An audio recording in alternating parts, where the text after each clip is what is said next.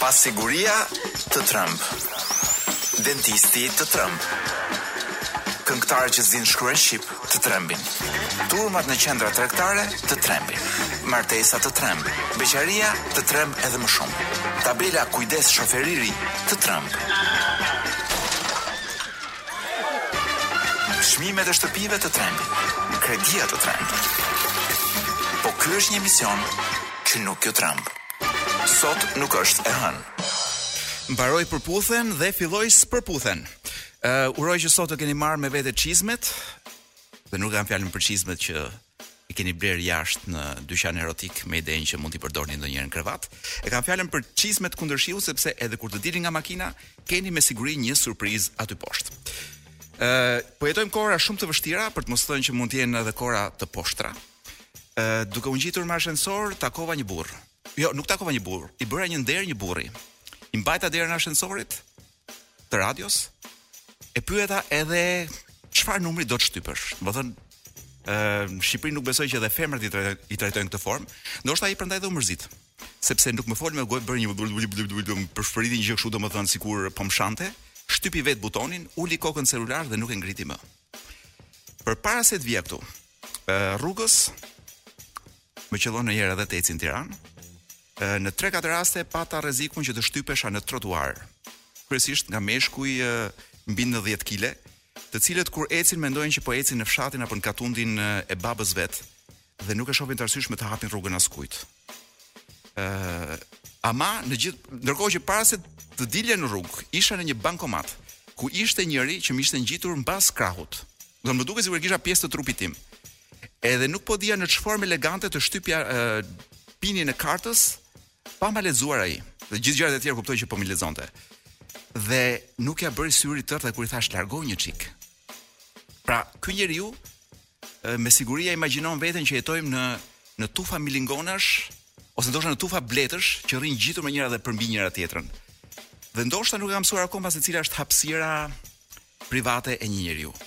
Ë si puna e këtyre episodeve gjatë gjithë ditës sot kam pasur shumë njerëz arrogantë, do thoya unë njerëz pa kurrfarë njerëzillëku dhe mbi të gjitha njerëz që nuk e kuptojnë që jetojnë, ah, harrova t'ju thosha për ashensorin e pallatit tim. Dikush kishte bërë urinën atje. Dyshojmë që është një i pallatit, po gjithë pallati dyshojmë që është një i pallatit. Ë, por sa ta verifikojmë edhe pak mund t'ia them dhe emrin në radio, që ta marrë vesh gjithë Shqipëria. Dhe nuk do ketë pikë rëndësie sepse njerëz të tillë kemi gjithandej. Madje këta që bëjnë urinën në ashensor më duket sikur janë shumicë absolute në këtë vend. Sepse njerëzilliku ka vdekur dhe mbi të gjitha njerëzit mendojnë që po jetojmë në pyll. Ë, në gjithë këtë tollovi që përmenda, vetëm në një moment kur i hapa rrugën dikujt, më tundi kokën në shenjë falënderimi. Edhe më, më kapi kështu një gëzim i madh. E pashë ishte i huaj. Domethënë nuk ishte nuk ishte në fare as pak rasti për t'u për t'u gëzuar me këtë. Po si mund të flas unë tash jo DJ Wiz, po po flet akoma kjo goca, do po këndon akoma kjo goca. Ishte La Rappresentante di Lista me Ciao Ciao, con le mani, con il culo, di unë kon me gjithë ato gjërat e tjera Ciao Ciao. Ë uh, për mua është kënga më e bukur e Sanremos. Jemi dy vetë në gjithë Shqipërinë besoj unë që e duam shumë këtë këngë.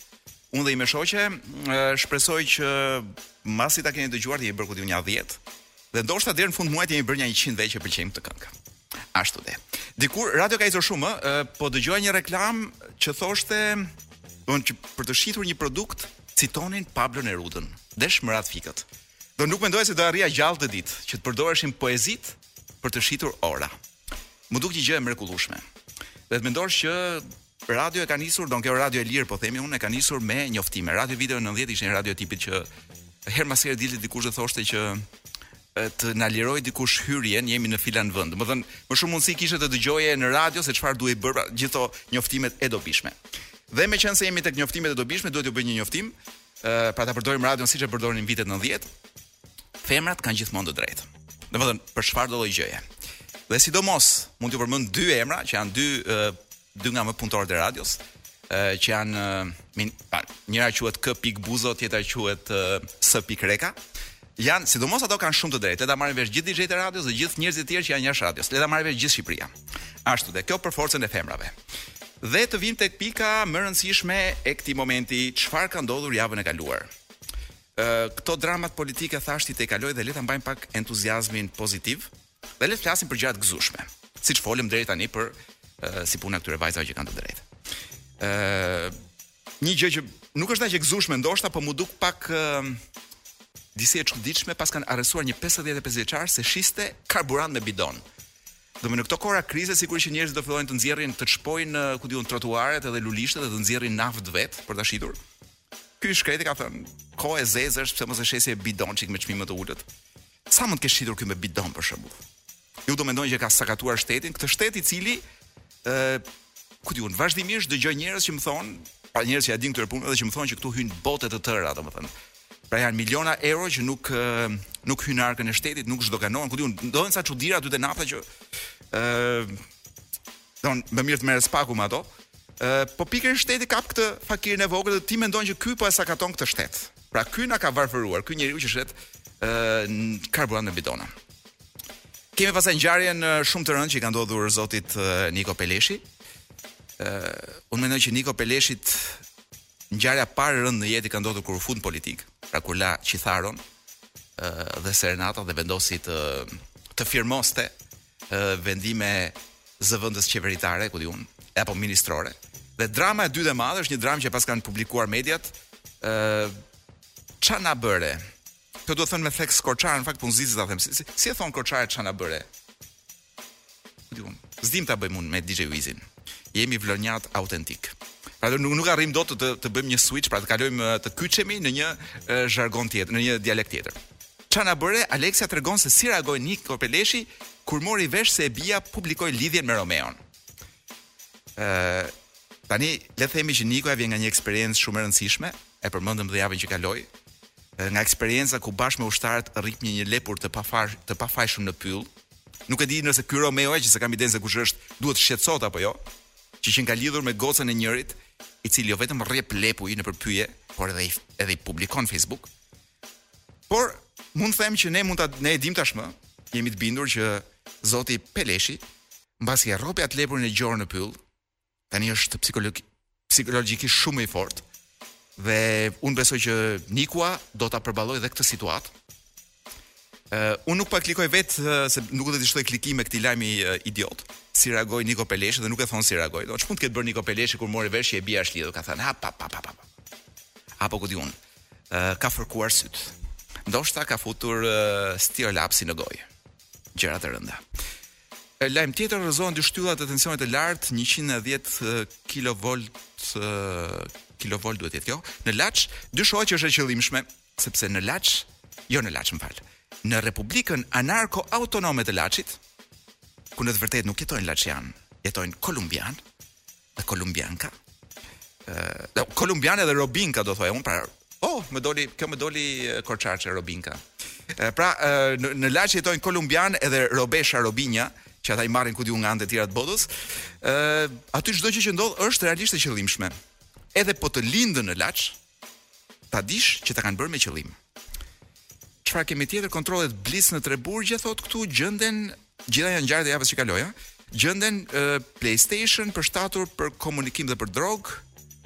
Tani që të lejohet PlayStation në burg, PlayStationi në fund të fundit çfarë është? Është një kompjuter me parametra ushtarake, si me thënë. Pra, praktikisht të përgatit të përgatit ty për të pushtuar Ukrainën, PlayStationi. Ë, kështu që është lejuar PlayStation dhe habiten kur marrin vesh që e kanë përdorur për komunikim. Kjo më habit mua, domethënë. Sepse është një lloj si të lejosh, që unë kam dëgjuar që edhe e bëjnë. Të lejosh eh, vizita, do të lejosh femra, ku di unë pesë femra për herë në një qeli në burg, e të habitesh që bëjnë seks. Domethënë është- janë eh, dy gjëra që implikojnë njëra tjetrën. Ë, kemi një gjë me Francën, po duhet të studioj një çik më mirë se nuk e kuptoj se çfarë është. Ah, dhe për ta mbyllur kufjet e AirPods. Së shpejti, pra versionet e reja që do dalin, mund t'ju identifikojnë nga forma e veshit tuaj. Dhe ndryshe nga ç'priste DJ Wizi, pavarësisht se është DJ këtë gjë nuk e priste. DJ Wizi priste të, atë e ka thënë prej kohësh që do dalin prezervativ, të cilët do të njohin ty pra janë teknologjikisht shumë të lartë, të cilët do njohin ty nga forma e penisit tënd. Dhe DJ Wizi asaj po i trëve kur tak po i vjen mbas shpine, Kjo puna e Airpods-it që njeh veshin tënd më mirë se që e njeh mamaja jote apo mësuesja jote apo kushdo që të ka shkulur ndonjëherë nga veshi. Kam dëgjuar që kryeministri jonë shkul njerëz nga veshët. E ka si biçim hobi. I duket vetes sikur është Mike Tyson i Shqipërisë. Kështu që ka fiksim veshët e të tjerëve. E mbyllëm me lajmet gazmore të javës që kaloi, ca prej tyre jo dhe aq gazmore. Ky ishte Tonino Carotone me Un Mondo Difficile, një botë vërtet e vështirë, edhe jetë intensive madje, vita intensa. Ë DJ Wiz, ma kujto që ta luajmë edhe për Shën Valentin këtë këngën sepse është një këngë shumë domethënëse. Ë ku jemi? Jemi tek pjesa e librit. Kam në duar një një librar, do thoja unë. një burrë. Domethënë kam librin e një burri që quhet Jorge Luis Borges. Është një nga njerëzit e letrave që unë e dua më shumë sepse është ndoshta nga më të veçantët, edhe më simpatikët, edhe më të mëdhejt, edhe më të jashtëzakonshmit. Ëm um, Borges është ai lloj shkrimtari, nëse mund ta quajmë shkrimtar, se është më shumë se aq për mua, që sa herë që jam kështu në një ditë me shi për shkak tak ose nuk di ç'të bëj me jetën time, dy rrugë kam. Ë ose do thyej televizorin që s'ma mban se më rrafin. Na ka kushtuar dhe shumë atje, se kemi vendosur ta marrim dhe një çik të madh se kështu është moda. Ose do kap ndonjë libër nga këta që më shkëpusin nga realiteti i televizioneve tona dhe i dramave tona televizive. Dhe gjënë më të mirë ma bën Borgesi. Pra kur marr Borgesin, praktikisht unë e shfletoj dhe zhdukem, futem në një botë tjetër. Mora rastësisht Borgesin e parë që më zuri syri dhe libri që kam në dorë, pra që kapa sot, është titullohet Inkuizicionet e tjera. Është një botim i, ku di unë, ja ta gjej këtu mbrapa, i hershëm është. I 1952-shit, 70 vjet përpara është botuar. Borgesi për ata që nuk e njohin ose mund ta kenë dëgjuar pak ose nuk janë shumë familjar me të, është argentinas. Ë Siç thash një nga njerëzit më të mëdhenj që kanë jetuar, mos gaboj ka marrë edhe një Nobel diku, përveç shumë çmimeve të tjera. Po e shfletoj, ky libri Inkuizicionet e tjera është libër me me ese në fakt. Ktu është dhe një ese që është është do thoja un një ese që bëri të famshme një ëndër të një perandori ja, të një perandori kinez. Unë besoj që këtë ëndrrën e keni dëgjuar, perandori kinez, emrin e vërtetë ja lexoj këtu e ka Huang Tzu, ëndrroi që ishte flutur dhe çështja debati filozofik është nëse ishte perandori që ëndrronte që ishte flutur apo mos vallë ishte flutura që ëndrronte të ishte perandor. Domethënë kjo është ky i ka kushtuar një ese të tërë në libër kësaj çështje dhe unë besoj që në qoftë se kjo historia e perandorit dhe e fluturës dhe ëndrrës me fluturën është bërë do thosha unë famoze, pra është futur në përdorimin e përditshëm, besoj se ka ndodhur prej Borgesit, edhe pse këtë çështjen e ëndrrës perandorit e kanë sjell më herët, e kanë sjell që në vitet 1800 një nga këta sinologët e famshëm. Atëherë, kam librin e Borgesit, inkuizicionet e tjera. Ëh, po e hap nga fillimi, unë mendoj që kudo që ta hapësh, sepse unë kështu e bëj zakonisht, e hap kudo që të jetë dhe filloj lexoj aty, po unë po e lexoj nga faqja e parë. Ëh, titulli i eses është Muri i Madh dhe librat. Gjëja që më pëlqen te ky botim që kam në dorë, më fal DJ Wiza se ti je kështu në ankth për të dëgjuar leximin e di unë. Por s'mund e ka përkthyer Astrit Cani, është botim pak i vjetër, ky që kam në dorë është i 2005-s. Ah, redaktor letrar Erion Kristo, ke parë ti? Dikur nuk merrej, Erion Kristo nuk rrinte në Facebook dhe nuk shkruante ato nga ato gjëra që shkruan në Facebook që jo gjithmonë janë të pëlqyeshme. Tenton të jetë provokativ i shkreti. I miri i nënës, siç thot Çani. Dikur ishte redaktor letrar dhe ka bërë redaktimin letrar të këtij libri. e ka përgatitur Silvana Leka për botim, botime shqip IDEART, pra botim i 2005-s, siç ju thash. Shpresoj të jetë në qarkullim qoftë se ju intereson. Duhet të jetë. Borges. e hap tek faqja numër 4, 5, ë muri i madh dhe librat. Autori, e më fal përkthyesi, ë përkthyesi ku e kam përkthyesin o diçka i suatshëm iku përkthyesi. Përkthyesi ka bërë një gjë të bukur Astrit Cani. Ka bërë diçka të bukur, ka futur pak gegnisht brenda. Pra nuk e ka gegnishte të rëndë, por e ka parë të arsyeshme që spanjishten e Borgesit mund ta shprehte më bukur në një shqipe të pasuruar me ca gegnisht. Dhe ja ku jemi. Muri i madh dhe librat, ëh. Lexova ditë më parë se njeriu që urdhëroi lartimin e ledhit Tash i vini re, ky nuk thotë murit, thotë ledhit. Pra, lartimin e ledhit gati të pafund kinez, qe po ai perandor i parë, Shi Huangti, që diktoi të hidheshin në zjarr të gjithë librat e shkruar para tij. Sa më kujton një kryeministër të Ballkanit, domethënë që ë që shu ti pak si ekzibicionist. Atëherë, vazhdojmë.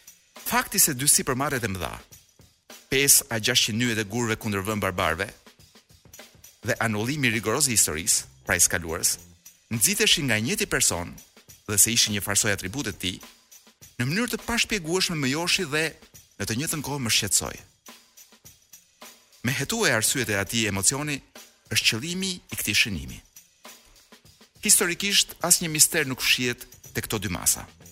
Bashkëkohës i luftës së Hanibalit, Shi Huang Ti, mbret i Cinit, mori nën pushtetin e tij gjashtë mbretëritë dhe asgjësoi sistemin feudal. Ai ngriti Murin e Madh, sepse ledhet duheshin për me u mbrojtë. I dogji librat, sepse opozita i thirrte në kuvend për me levdue perandorët e lashtë. Me djeg librat dhe me ngrit fortifikata është detyrë e zakonshme e princave. Këtu rikujtoj edhe një herë kryeministrin e një vendi të vockël ballkanik. Sepse ky nuk djeg libra, ku di unë, shemb teatro. Sepse ledhet, siç thashë duheshin, po. Ëm, ehm, ku e lashë o DJ Wizja, sheh ti kur filloj flas vetë pastaj e harroj. Eh. Gjëja e veçantë tek Shi Huangti, qe shkalla sipas së cilës veproi. Kjo është sa len me kuptue disa sinolog? Kjo është sa len me kuptue disa sinolog, por unë ndjej se faktet që kam sjellë janë diçka më shumë se një teprim a hiperbolë urdhëresash të zakonshme. Me gardhue një arë a një kopsht është një gjë e zakonshme. S'është e tillë me gardhue një perandori. Dhe as nuk është çikërrimë me pretendue që më tradicionalistja e racave të heqë dorë nga kujtesa e të kaluarës së vet. Mitike qoftë, a e vërtetë. Tre mijë vjet kronologji kishin kinezët. Kur Shi Huangti dha urdhër që historia të fillonte prej tij. Shi Huangti kishte syrgjynosur të ëmën prej sifateve të saj të këqija. Në drejtësinë e tij të rreptë, ortodoksët nuk panë asgjë tjetër përveçse një herezi. Shi Huangti, ortodoksët jo si fe, domthonë ortodoksët kuptimi njerëzit çik kështu po dhe me mentalitet ortodoks. Ë Shi Huangti mbase desh me shkatru librat kanonik, sepse këta e akuzonin. Mbase desh me shlye të gjithë të kaluarën për me shlye një kujtim të vetëm. poshtërsinë e s'ëmës. Në kllapa, në mënyrë jo të ndryshme, një mbret në Jude vrau gjithë fëmijët me qëllimin për me vra njërin. Kjo gjendje është e pranueshme, por nuk na thotë asgjë për murin e madh, për fytyrën e dytë të mitit. Shi Huangti sipas historianëve, Ndaloi që të përmendej vdekja, ndaloi që të përmendej vdekja, si dhe kërkoi eliksirin e pavdekësisë e u mbyll në një pallat emblematik, që kishte aq dhoma sa ditë ka viti. Këto të dhëna tregojnë se, se muri i madh në hapësirë dhe djegia në kohë qenë pengesa magjike të caktuara për me ndal vdekjen. Tani mos më thoni që në, në duke lexuar librin e Borgesit për këtë perandorin kinez, ju nuk shihni fytyrën e vërtetë të një njeriu që mendon që nuk do vdesë kurrë dhe nuk do të vdesë, që jeton diku këtu në Ballkan. E mbylla librin. Çfarë kemi DJ Wiz? Ah, nuk kemi reklama. Ah ç'fat i madh. Një fat i madh. A kemi kohë? Mirë, ë dua t'ju flas pak për këtë Cafe Tacubën. Është jo, DJ Wiz nuk do flasim tani, dua ta lëmë pak këngën. Ë Cafe Tacuba është një grup argjentinas. Dhe meqenëse kishim një argjentinas Borgesin për të lexuar, thash pse jo të mos e shoqëroj me një nga grupet më mitike të rockut në Amerikën Latine. Uh, unë kam dëgjuar shumë nga këta dhe janë një grup shumë simpatik. Domethënë s'ka një rock, po është rock latin, por nuk është as latin. Pra është rock, Po nuk është Enrique Iglesias me këto gjërat e tjera. Këta ishin Cafe Tacuba me Futuro, një nga grupet më simpatike të rockut latin. Dhe janë nga Argentina, unë do t'ju propozoj një gjë tjetër argentinase. Gjithmonë kam një pyetje me veten time, çfarë për ata që s'i kanë jetuar, sidomos për ata që kanë jetuar në Shqipëri dhe s'i kanë jetuar dot jashtë, çfarë arome kanë pasur vitet ku di unë vitet 60, vitet 50, vitet 70, vitet 80. Dhe këtë mund ta marrësh vesh, vesh vetëm nga muzika, po jo nga gjithë muzika, nga disa lloje muzike që të shkëpusin nga kjo kohë dhe të fusin në një kohë tjetër. Për t'i rënë shkurt se DJ Wizi më ka dhënë vetëm 1 minutë e 20 sekonda kohë, Ëm personazhi që dua t'ju sjell me një këngë quhet Chris de Burgh. Normalisht ky ka pasur ju mund ta njihni nga një hit The Lady in Red, një arsye për që unë të mos e luaj kurrë në radio. Por unë do të flas për Chris de Burghun përpara se të bëhej një popist i lodhur dhe i shpifur dhe të bënte nga këto hitet që të kapte ato vendet e para të klasifikimit. Ky e ka nisur si një performues i art rockut Dhe ka lindur gjejeni se ku? Në Buenos Aires. Në fakt është irlandez, por është i lindur në Buenos Aires dhe në fillim fare prodhonte një rock një rock ku di unë, shumë të viteve 80, një rock pop të viteve 80. Dhe kënga që un kam zgjedhur tani për ju është një këngë që është pikërisht një nga këto lloj këngësh që mund ta përkufizonim pak ajrin që thithej në perëndim në vitet 80. Don't Pay the Ferryman. Pra është një këngë, kështu që është është praktikisht një këngë horrori, ë. Është një burrë, edhe videon po ta shohësh të videoklipin, është video videoklip horrori. Është një burrë, ku di unë siç është kështu si me si me me me tunika me gjëra dhe do të kalojë uh, lumin. Dhe është ai njeriu që është në fakt është vdekja që po e pret me trapin e vet për ta përcjellë matanë. Chris De Burgh në Top Albania Radio. Mua portalet më trembin. Në fakt sapo përcollëm një këngë që mos gaboj ishte këngë duhet të ketë qenë një nga këngët e Sanremos ë të këtij edicioni të 2022-shit. Uh, unë do ndalesha tek Sanremo i këtij viti jo për Sanremon vetë, në fakt, po për një ngjarje që tronditi gjithë Shqipërinë. Ë uh, njerëz që nuk e kanë parë kurrë, ndoshta nuk e dinë shumë se çfarë është Sanremo. të vetmin kontakt mund të kenë pasur atë daljen e Alketës para një viti mos gaboj në San Remo. Dhe e vetmja që, që dim për San Remo është që një një zonjushë me emrin Antonela Berisha na paskësh dalë në San Remo. Ë mua m'u desh pak sforcim edhe të pyesja 2-3 vetë për të marrë vesh se kush është kjo zonjusha. ë uh, njëherë thashë mos ka shkruar ndonjë libër, të ketë bërë ndonjë rol të rëndësishëm në kinema, apo mos vallë ka bërë ndonjë ekspozitë të rëndësishme pikture. Mos është ndonjë nga këto artistet e reja të artit për jo, nuk ishte asnjë gjë nga këto. Ishte thjesht uh, një personazh kalimtar, uh, si shumë të tjerë nëpër ekranet shqiptare, Por gjëja që bëri bujë ishte deklarata e saj që është pjesë e Sanremos 2022. Dhe jo vetëm kaq, po unë dëgjova sot pa dëshirën time, po njerëzit zakonisht bërtasin me zë të lartë, dëgjova një grup të rinjsh 4-5 veta që bënin pushim praktikisht zbritur nga ë nga ndërmarrja telefonike ku punonin, pra ku di unë një nga këto të Teleperformance, jo Teleperformance, ishte një nga këto uh, si quhen call center po. Uh, kishin zbritur për të ngrënë byrekun edhe për të pirë kafen e pushimit dhe flisnin për pjesëmarrjen Antonela Antonela Berishës në Sanremo. Dhe unë u futa të kuptoj vërtet ç'ka ndodhur, sepse duke ndjekur Sanremon në mënyrë skrupuloze, unë nuk e pashë kurrë këtë vajzën në asnjë moment dhe në asnjë lloj shpërfaqjeje. u futa për të kërkuar në internet çfarë thuhet për të në në mediat italiane dhe nuk ka asnjë informacion në asnjë media italiane. Pra, edhe po të klikosh, unë shfletova nja 10 faqe të Google-it, njëra mas tjetrës dhe janë vetëm lajme shqiptare. Madje edhe në anglisht, sepse ka media që Sot-i për shembull paska thënë Part of Sanremo 2022, Antonella Berisha confesses. Është pjesë e Sanremos 2022. Albeu Çfarë kemi tjetër këtu? Ë uh, Telegrafi Antonela Berisha flet për paraqitjen në Sanremo 2022. Info Kosova Antonela Berisha rrëfen paraqitjen në Sanremo 2022. News lexo.al pjesë e Sanremos 2022 rashë direkt në sy, ka thënë Antonela Berisha. E pra, pak a shumë këta janë titujt. I rashë në sy vipave italianë thotë Panorama. U bë pjesë e festivalit të Sanremos. Të gjitha këto gjërat Më nxitën që të kërkoj dhe më shumë dhe në asnjë vend nuk gjeta asnjë informacion dhe në të gjitha ç'pashë unë të paktën në kanalet në në, në Rai, nuk pashë asnjë copëz të Antonela Berishës. Dhe thashë me vete, po çka ndodhur? E vërteta është që që më qarkullua një screenshot të një portali italian të para një ku di unë një jave, i cili fliste për një prezencë në Sanremo, apo në ku di unë të një të kësaj vajzës. ë dhe kaq. Po unë atë portalin nuk e gjej më. Kështu që me shumë mundësi ka qenë një nga këto portale italiane ose ka shumë portale në botë që ti paguan ë për të prodhuar një lajm dhe për ta mbajtur disa orë dhe për ta fshirë pastaj. Kështu që e gjithë kjo puna e Sanremos është me sa duket e gjitha thjesht në kokën e zonjushës Antonela Berisha. Mirëpo, çështja që më shqetëson mua nuk është që ë, kjo zonjusha do të bëhet e famshme, Në Sanre, Sanremo për ata që nuk e dinë është një qytezë, është një qytezë ku edhe ai që shet byreqe mund të thotë që jam në Sanremo. Pra të jesh në qytezën e Sanremos, nuk të bën medoemos pjesëmarrës në shoun e Sanremos. Po çfarë thotë kjo goca për veten e vet. Pra të gjitha këto informacione me qindra faqe, mos me thënë me mijëra faqe në shqip, në Google, kanë marrë një informacion që vjen nga Pasdite në Top Channel.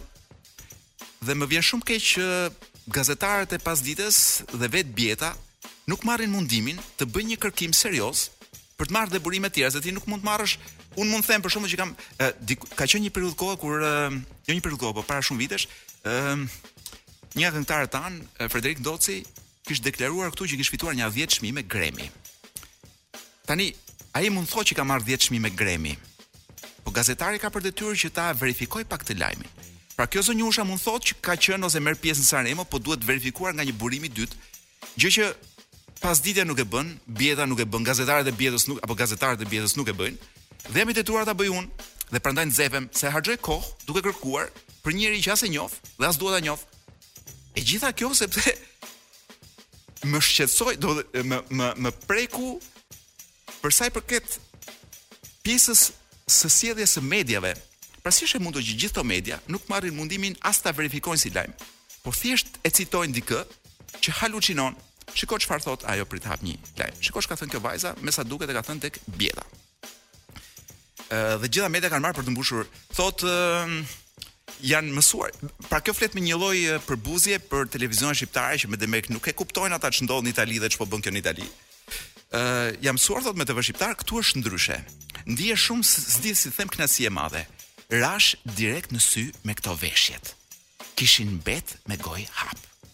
Tashti ë në qoftë se kjo është pjesë e Sanremos, ë dhe fakti që ata kanë mbetur pas kanë mbetur pa gojë italianët nga veshjet, ë nuk do thotë, se shiko kjo thotë, pra këtu thuhet ndër të tjera që kjo modelja bukuroshe ka treguar se është e angazhuar me aktivitetet e paradites para spektaklit.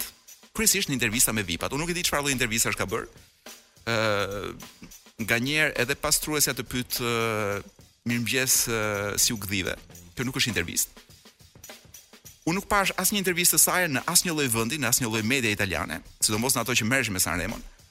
Kështu që nuk e kuptoj se çfarë ka bërë për të qenë kaq e famshme dhe për t'u përfolur nëpër tavolina dhe për të bërë, po themi, pis eksperiencën e Sanremos atyre që shkojnë në Sanremo, si puna ime. Ë kaq për sa i përket kësaj gocë, kësaj gocës, nuk ka qenë nuk e di ku ka qenë, mund të ketë qenë ndoshta në ndonjë nga këto festa që bëhen më mbrapa të Sanremos. Ë, uh, jo Sanremos, më fal, në San, në qytezën e Sanremos, sepse sigurisht mbas mbas spektaklit ata hapërdahen nëpër vende, ka harbim, ka pije, ka femra, ka kokainë, ku di unë.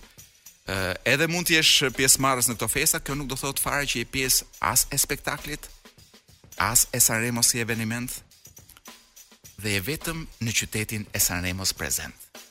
Kaq, kaq për këtë gocën, kaq për gjithë mediat që turp t'u vijë, që publikojnë dhe edhe turp edhe edhe edhe bjet, jo bjetës, po emisionit të bjetës, ata që merren me emisionin, që i kanë dhënë hapësirë për të gënjyer edhe për të mbushur hapësirën tonë me një budallë të tillë. Dhe për të më lodhur mua, pra gjithë acarimin e kam se jam lodhur.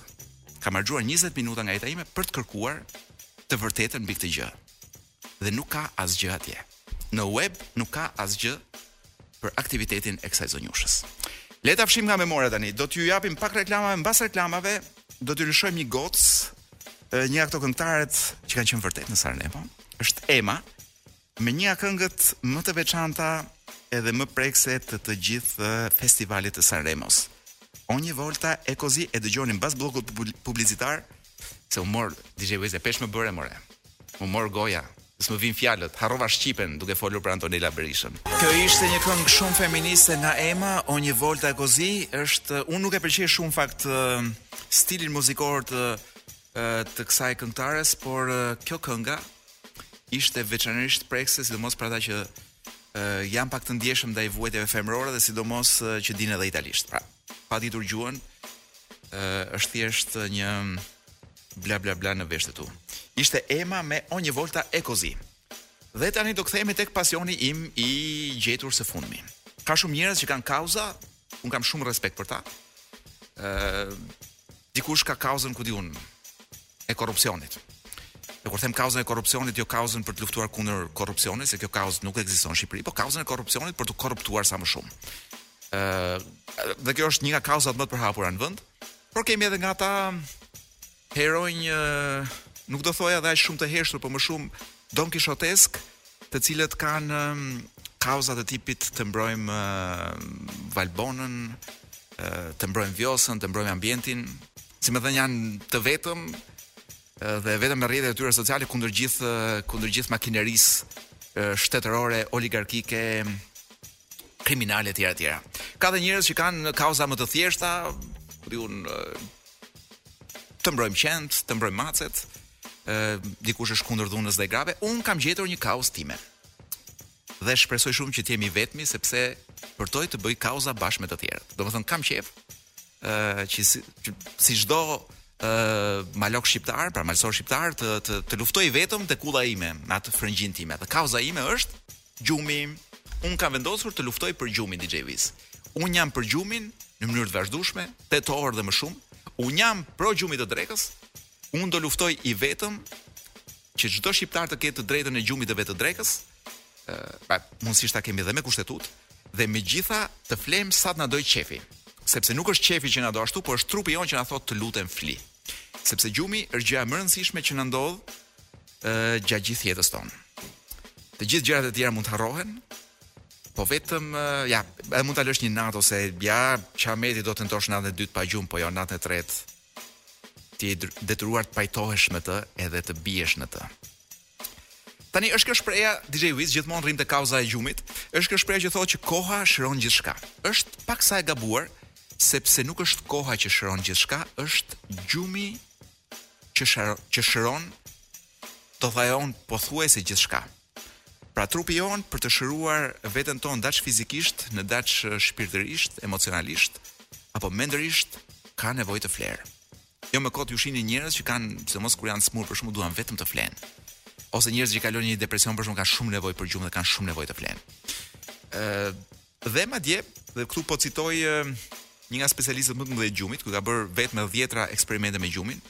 Në gjithë botën në këto 80 apo 100 vitet e fundit janë bërë me mijëra eksperimente për gjumin. Të gjitha verifikojnë sa i rëndësishëm është.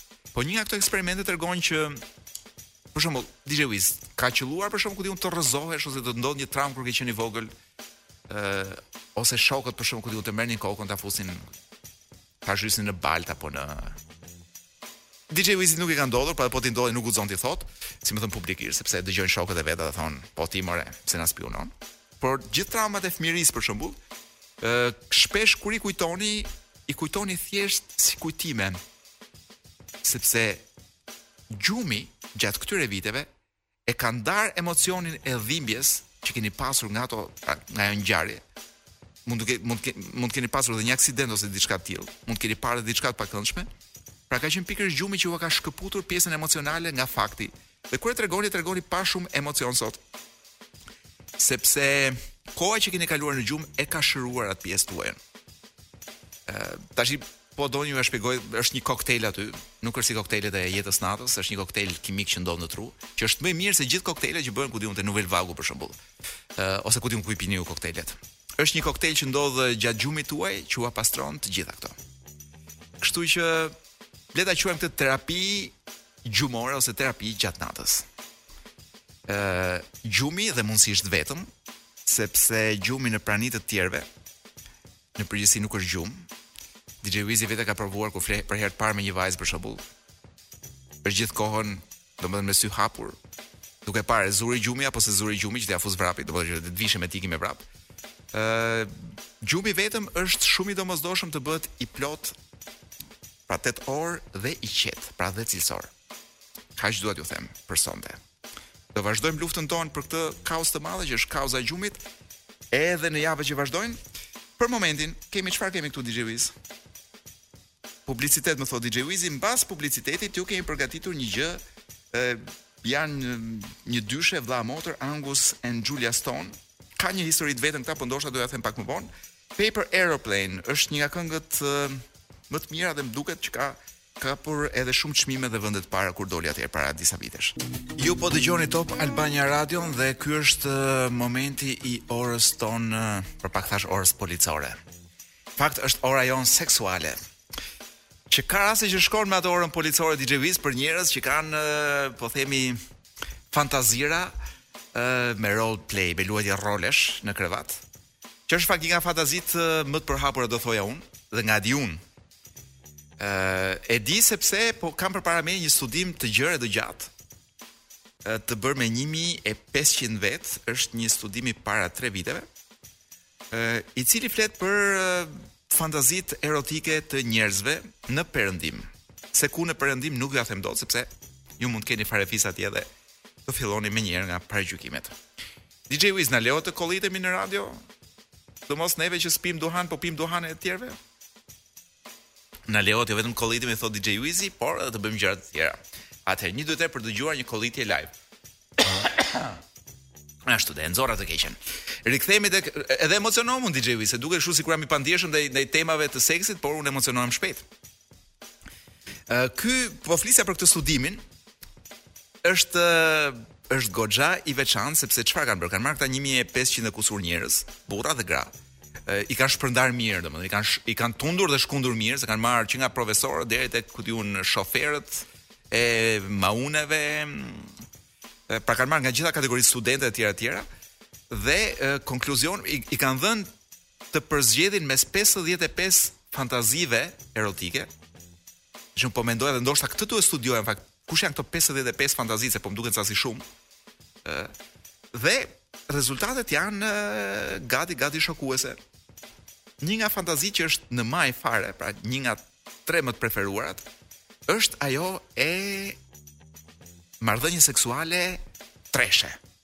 Pra trioja e famshme. Triptiku. Trekëndshi i Bermudave, po që nuk është ai trekëndshi politik që thuhet, po trekëndsh tjetër domethënë.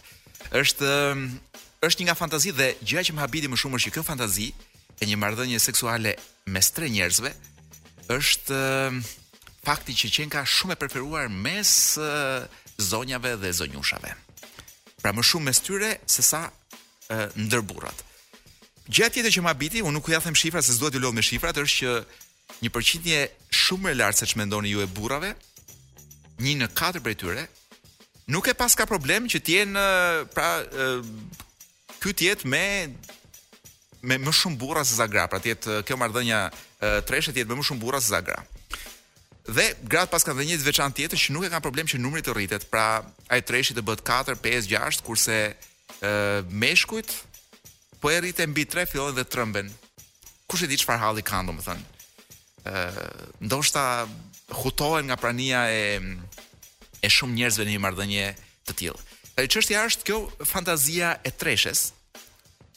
Është një realitet edhe në Tiranë, për ata që nuk e dinë, këto lloj eksperiencash po bëhen gjithnjë e më të zakonshme.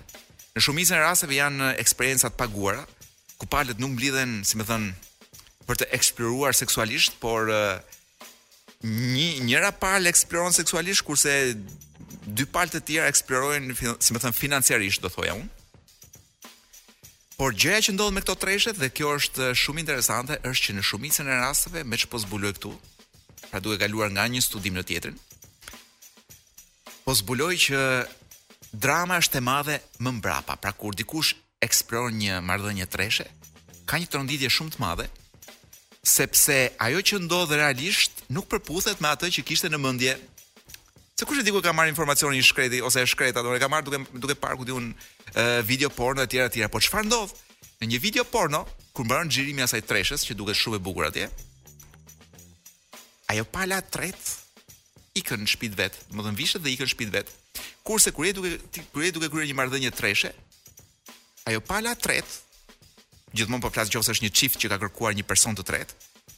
ë uh, Befas është aty. Pra nuk ikën në shtëpi. Është është në, ku di unë, në poltronën tënde, të shtëpisë tënde ose të hotelit që ke marrë. Dhe nuk ikën, rri aty.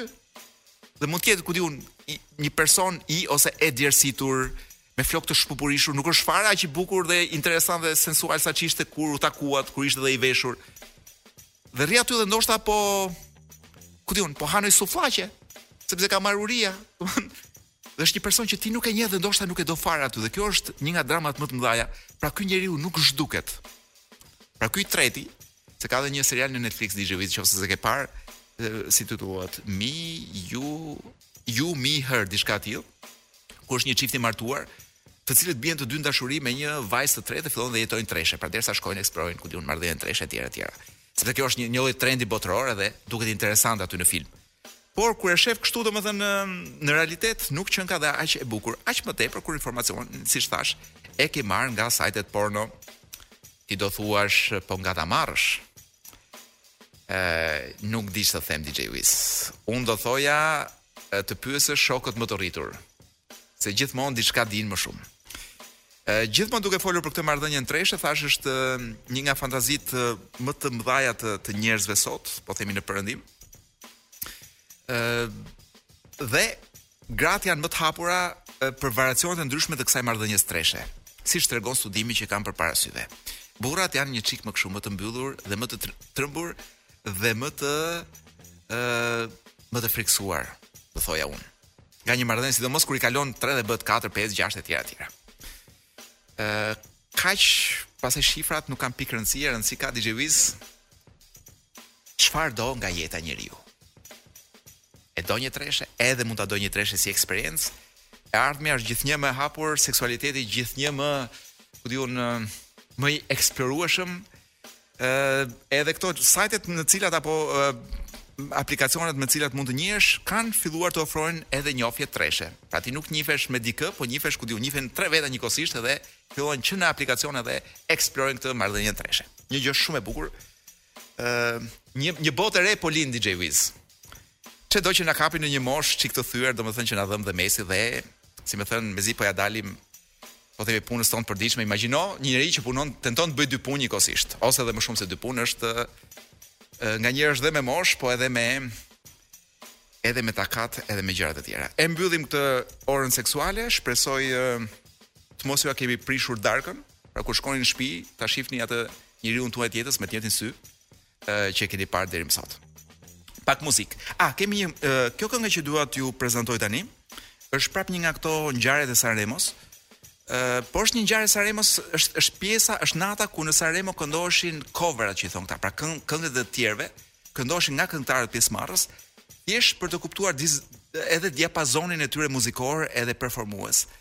Ëm dhe kjo kënga që kam sjellë është nga një nga artistët Dargen Damiko. Ky mori një këngë shumë të vjetër, mos gaboj është e Pati Pravos, La Bambola, ku është një vajzë e cila ankohet për një djalë ose për shumë djem, djem nuk e mbaj mend, që e trajtojnë si një kukull. Tani gjëja e bukur e performancës së këtij djalit këtu, Dargen Damikos, është që ky nuk i ndërroi asnjë fjalë asaj kënge. Pra ndryshe nga ç'ndodh zakonisht ku uh, ti nuk thua ajo, po thua ai. Pra, si me thënë kur ti merr këngën e një djali, tenton ta kthej ta kthesh në gjininë femërore, pra këndosh si, ta kthesh në tekstin sikur po po vjen nga pikëpamja e një vajze, jo. Ky e ka mbajtur pikërisht ashtu. Ky flet, pra ky këndon sikur të ishte një pra me tekstin e një vajze që ankohet. Dhe më duket një gjë shumë e bukur sepse në fund të fundit Çfarë jemi o DJ Wiz? Jemi vërtet meshkuj, femra, burra, gra, çuna, goca apo jemi thjesht persona? M'u duk gjë shumë e bukur kjo që ka bërë dhe edhe versioni i këngës është uh, goxha bashkëkohor dhe interesant. La Bambola. Dargen D'Amico, apo ose Dargen D'Amico, s'di si e ka. Kjo është Top Albania. Radio. Dargen D'Amico ose Dargen D'Amico me La Bambola, uh, për ata që dini italisht, besoj që e kanë shijuar ndryshimin e tekstit që ka bërë duke e rikthyer duke e bërë tekstin pak më bashkëkohor. Ë për shembull i thotë atij djalit, ti djalit ditëve të sotme i thotë ti komporti, të duket vetja zot i thotë, domethënë je pasiv agresiv. Mua më duket batutë shumë simpatike kjo, pra tekst shumë i bukur. Ëm e kemi tepruar me Sanremo sot DJ Wiz, edhe pak me këto latinet, nuk jemi ata që kemi qenë. Publiku, domethënë ata pak njerëz që domethënë kanë një çik rock nga brenda vetes, thonë po ç'bëhet këtu, po mori fund bota. Jo. Sepse do ta mbyllim me një rock shumë të fuqishëm, Ë më duhet të them që Shqipëria ka pasur një moment të shkurtër rroku diku në fund të viteve 88, me sa kam kuptuar unë. Pra kur, kur u lirua pak ajo periudha komuniste dhe me eksplorimin që bënin këta çuna që dinin ca kitara ca gjëra, që u përpoqën të kuptonin ca grupe, domethënë ç'ndodhte në botë, po me aq mundësi sa kishin dhe vazhdoi deri në mesin e viteve 90, mos gaboj, ja ndoshta deri në dymijshin, përpara se industria dhe pa bërë emra dhe kush e ka shkaktuar këtë gjë domethënë, përpara se industria e banalitetit të na mbyste me tallavara dhe me gjëra. Megjithatë ka akoma ishuj rrok nëpër Shqipëri, pra jo gjithë Shqipëria është tallava, Dhe për fat të keq, ajo që vërej unë është që ne kemi ngelur shumë te rroku klasik, domethënë mendojmë që rroku është ai që kemi, ku di unë, Iron Maiden, Judas Priest, Scorpions atë dikush, domethënë vijmë deri te Megadeth, Metallica që njohin të gjithë. Ka edhe një rrok tjetër që bëhet sot në botë që është bashkëkohor modern, është çik më larg nga ai klasiku, por shumë i fortë. Ju kam sjellë një këngë të sapodalë, ky është një grup nordik, do të flas më shumë javën që vjen, Sabaton. Lëshoje nga pak DJ Wiz. Soldier of Heaven është e sapodalë nga tava. E dëgjoni në Top Albania Radio.